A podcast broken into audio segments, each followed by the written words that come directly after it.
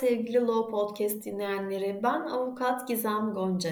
Bugünkü Law Podcast serimizde sizlere kadının bekarlık soyadını kullanma davasından bahsetmeye çalışacağım. Birçok bu konuda sorular almaktayız oldukça önemli bir konu ve kadının bekarlık soyadını kullanması nasıl yapılır, nerelere başvurulması gerekir Türk Medeni Kanunu'nda nasıl düzenlenmiştir bunlardan kısaca bahsetmek istiyorum. Türk Medeni Kanunu'nun 187. maddesinde kadının bekarlık soyadını kullanma davası detaylı olarak düzenlenmiştir. Şöyle ki, kadının soyadı bekarlık soyadı, evlilik öncesi kadının soyadı evli kadının soyadı ve boşanan kadının soyadı olarak incelenmektedir. Kadın evlenmekle kocasının soyadını alır ise de kendisine önceki soyadını kullanabilme hakkı da tanınmıştır. Kadına evlendirme memuruna veya daha sonra nüfus idaresine yapacağı yazılı başvurusuyla kocasının soyadı önünde önceki soyadını da kullanabilme hakkı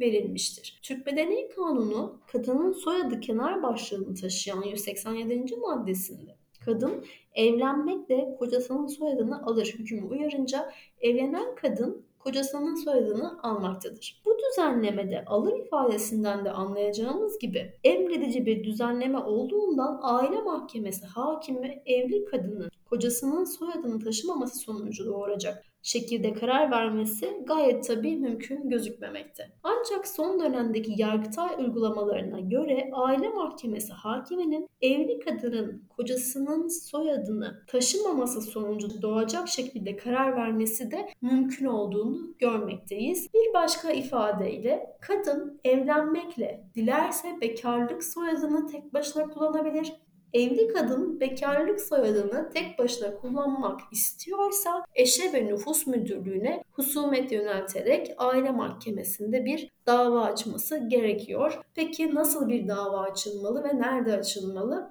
Az önce de belirttiğim gibi siz bulunduğunuz bölgedeki aile mahkemesinde soyadının değiştirilmesi davası açabilirsiniz. Peki bu davada davacıyı varsa vekilinizi ve davalıyı belirtmelisiniz. Burada en önemli husus davalıyı belirtirken eşiniz ve ilgili nüfus müdürlüğünüzün de isminin yazılmasıdır. Çünkü burada nüfus müdürlüğü de bu davada artık bir taraf olacaktır. Davanızda dayandığınız konuların neler olduğunu da ayrıntılı bir şekilde anlatmalısınız. Şöyle ki, davalı ile 1990 yılında evlendik. Davacı kadın eşin kullanmakta olduğu kocası soyadı olan Taş soyadının davacı kadın eşin kızlık soyadı olan Kaya olarak değiştirilmesi için dava açma zorunluluğunuzun bulunduğunu mutlaka dava dilekçesinde yazmalısınız ve talep sonuç kısmında da Yukarıda ayrıntılarıyla izah ettiğim sebeplerle davanın kabulü ile davacının soyadının Kaya olarak değiştirilmesine karar verilmesini talep ettiğinizde belirtmeniz gerekiyor. Mutlaka dava dilekçesinin içerisine deliller kısmına nüfus aile kayıt tablomuzu da eklemeniz gerekmekte. Bu konuda Yargıtay'ın çok önemli kararları mevcut. Size kısaca bu kararlardan bahsetmek istiyorum. Evli kadın dilerse kızlık soyadını tek başına kullanabilir demekte Yargıtay 2. Hukuk Dairesi. Bir diğer kararında ise evli kadının kızlık soyadını tek başına kullanmasına ilişkin açılacak olan davada erkek eşin yer alması gerektiğidir. Zaten dilekçeyi hazırlarken de belirttiğim gibi mutlaka eşinizin ve ilgili nüfus müdürlüğünün davalı olarak dilekçede yer alması gerekiyor. Bir diğer Yargıtay kararı evli kadının bekarlık hanesindeki kızlık soyadının değiştirilmesi istenilemez denilmekte.